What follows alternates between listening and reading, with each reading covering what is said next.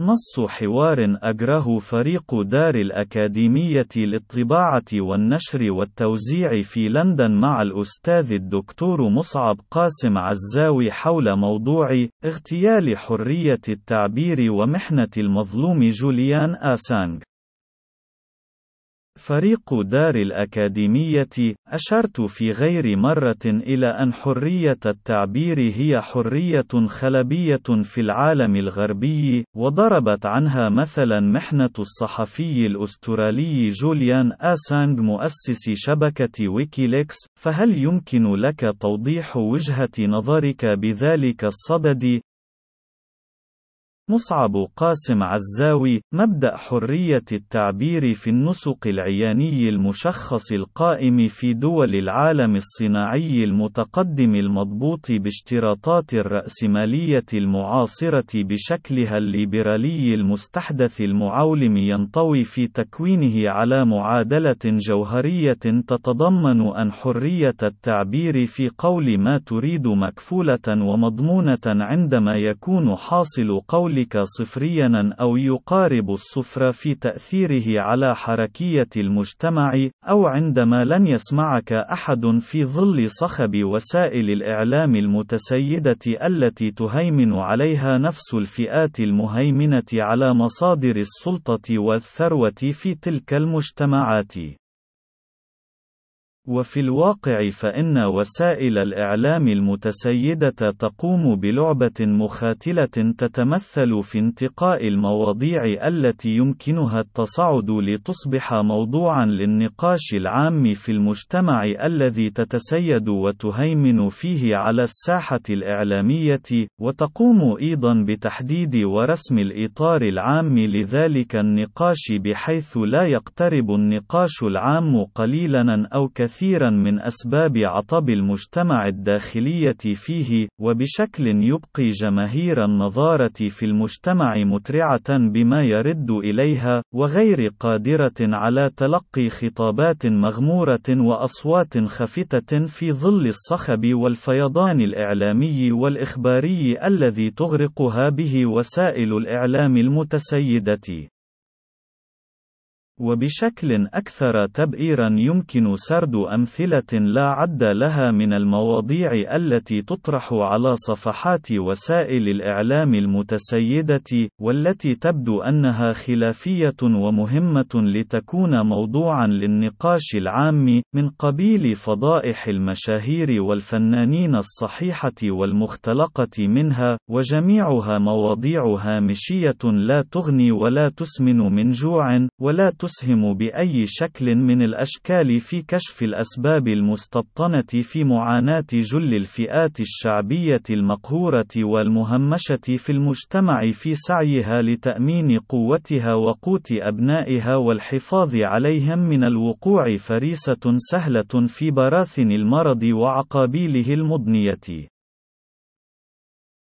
وعندما يفلح فرد أو مؤسسة في اختراق ذلك الجدار الحديدي المدمر وغير المشهر مثلما فعل مخطئا أو مصيبا الصحفي جوليان آسانج مؤسس شبكة ويكيليكس، والتي كشف من خلالها عن فظائع وأهوال عمليات القتل العشوائي الذي تقوم به الولايات المتحدة وأقرانها في حلف الناتو، وخاصة عمليات القتل القتل عن بعد باستخدام الطائرات المسيرة عن بعد ومن دون طيار، والكيفية الوحشية التي تتم بها دون أي اعتبار لما يدعوه الأقوياء بالأضرار الجانبية التي لا بد من حدوثها حتى لو كان ذلك يعني اندثار حيوات العديد من البشر الأبرياء كجزء من تلك الأضرار الجانبية المهولة في كثير من الأحايين.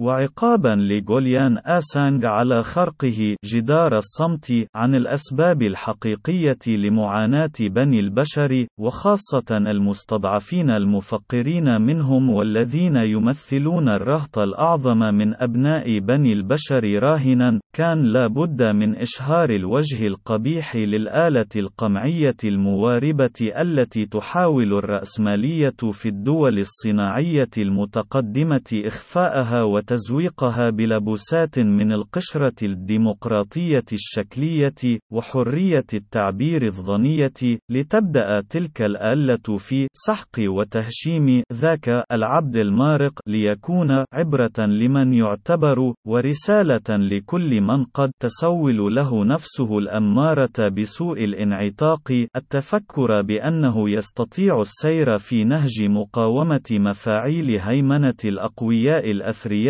على مفاصل السلطة والثروة والإعلام في المجتمع دون أن يصبح حطاما بشريا كما هو حال جوليان آسانج بعد أن تكالب عليه كل ساسة دول الأقوياء في مخالفات صريحة لكل القوانين الوضعية في أي من دول العالم وحتى القانون الدولي والتي كان على رأس قائمة تلك المخالفات محاكمة جوليان آسانج وفق قوانين الجاسوسية السارية في الولايات المتحدة على الرغم من أن جوليان آسانج ليس مواطنا أمريكيا ولم يقم بأي عمل صحفي على الأرض الأمريكية وهو ما يعني من الناحية القانونية والقضائية المحضة عدم اختصاص المحاكم الأمريكية بمقاضاته إن كان يستحق الملاحقة القانونية أصلا وهو أبعد ما يكون عن ذلك إذ أن كل ما قام به لا يتجاوز جدود العمل الصحفي الاستقصائي المحترف الذي يقوم به الكثير من الصحفيين الأخيار الذين ما زالوا يجاهدون بقلوبهم وعقولهم وأقلامهم لإظهار الحقيقة وتعرية الباطل والظلم والفساد والفاسدين المفسدين في غير موضع من أرجاء الأرضين.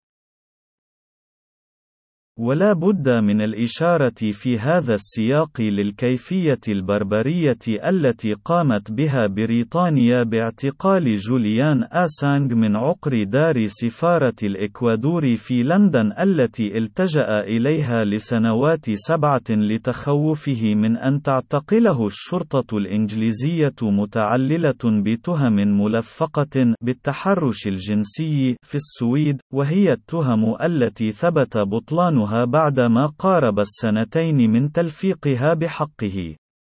وهي حكومة جلالة الملكة وجهاز قضائها المنصف انتقائيا التي رمت بالمظلوم جوليان آسانج إلى لجن أعتى السجون البريطانية بكل ما تعنيه الكلمة من معنى ولا زالت تحتجزه في زنزانة انفرادية لمدة تجاوزت السنتين كما لو أنه من عتاة المجرمين وليس صحفيا سلاحه الوحيد قلمه وعقله الم المتحررة بانتظار اتخاذ وزارة الداخلية البريطانية قرارا بترحيله إلى الولايات المتحدة لمحاكمته هناك بجريمة تلفيقية تصل عقوبتها إلى عشرات السنين يمكن أن تنال من كل صحفي حق يمارس دوره الواجب في كشف وحشية الولايات المتحدة أو أي نظام سياسي آخر ملتزما بنهج العمل الصحفي الاستقصائي المدقق والممنهج في رسالة شبه علنية عنوانها العريض بأن الولايات المتحدة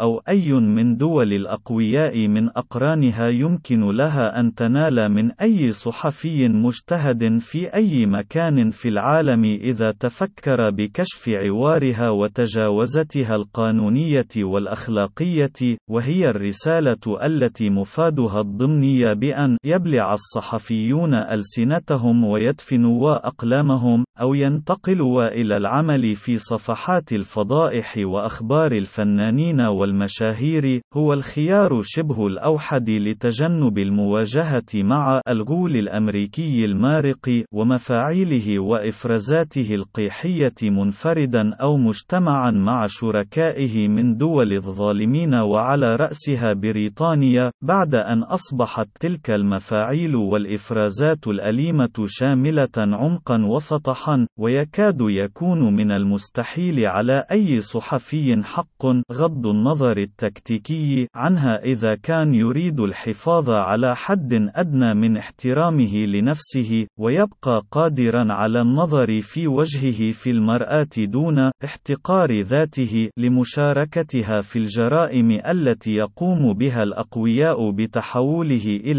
شيطان أخرس وديع ذليل لا يهش ولا ينش.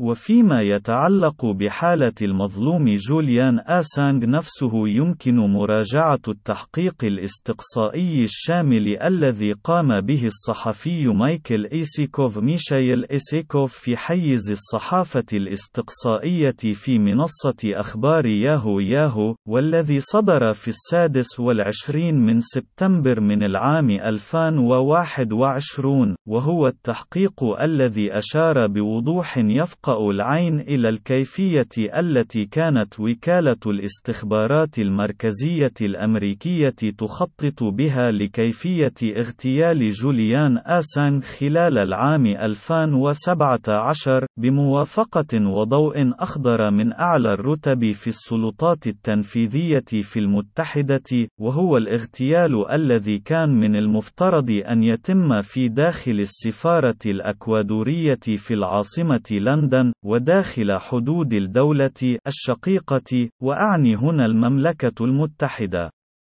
وفي ذلك التحقيق الاستقصائي يتبدى دون مواربة ذلك الطابع البلطجي العنجهي السائد في ممارسات دول الأقوياء الذي لا يرى ما لا يمكن تحقيقه بقوة راعي البقر ومسدسه العار وبشكل يظهر عمليا أن سلوك الدول التي تنافح عن حرية التعبير وحقوق الإنسان في العالم المتقدم رياء مصفى لا يختلف كثيرا في جوهره عن سلوك عتاة الفاسدين المفسدين في دول الجنوب المفقر الذين أغرقوا صحفيهم من الأبات المؤمنين بواجب إشهار الحقيقة دون مواربة أو مخاتلة في مستنقعات دولهم الأمنية سواء عبر اغتيالهم أو تغييبهم أو حتى عبر تقطيعهم بالمناشير والسواطير وتمزيق أشلائهم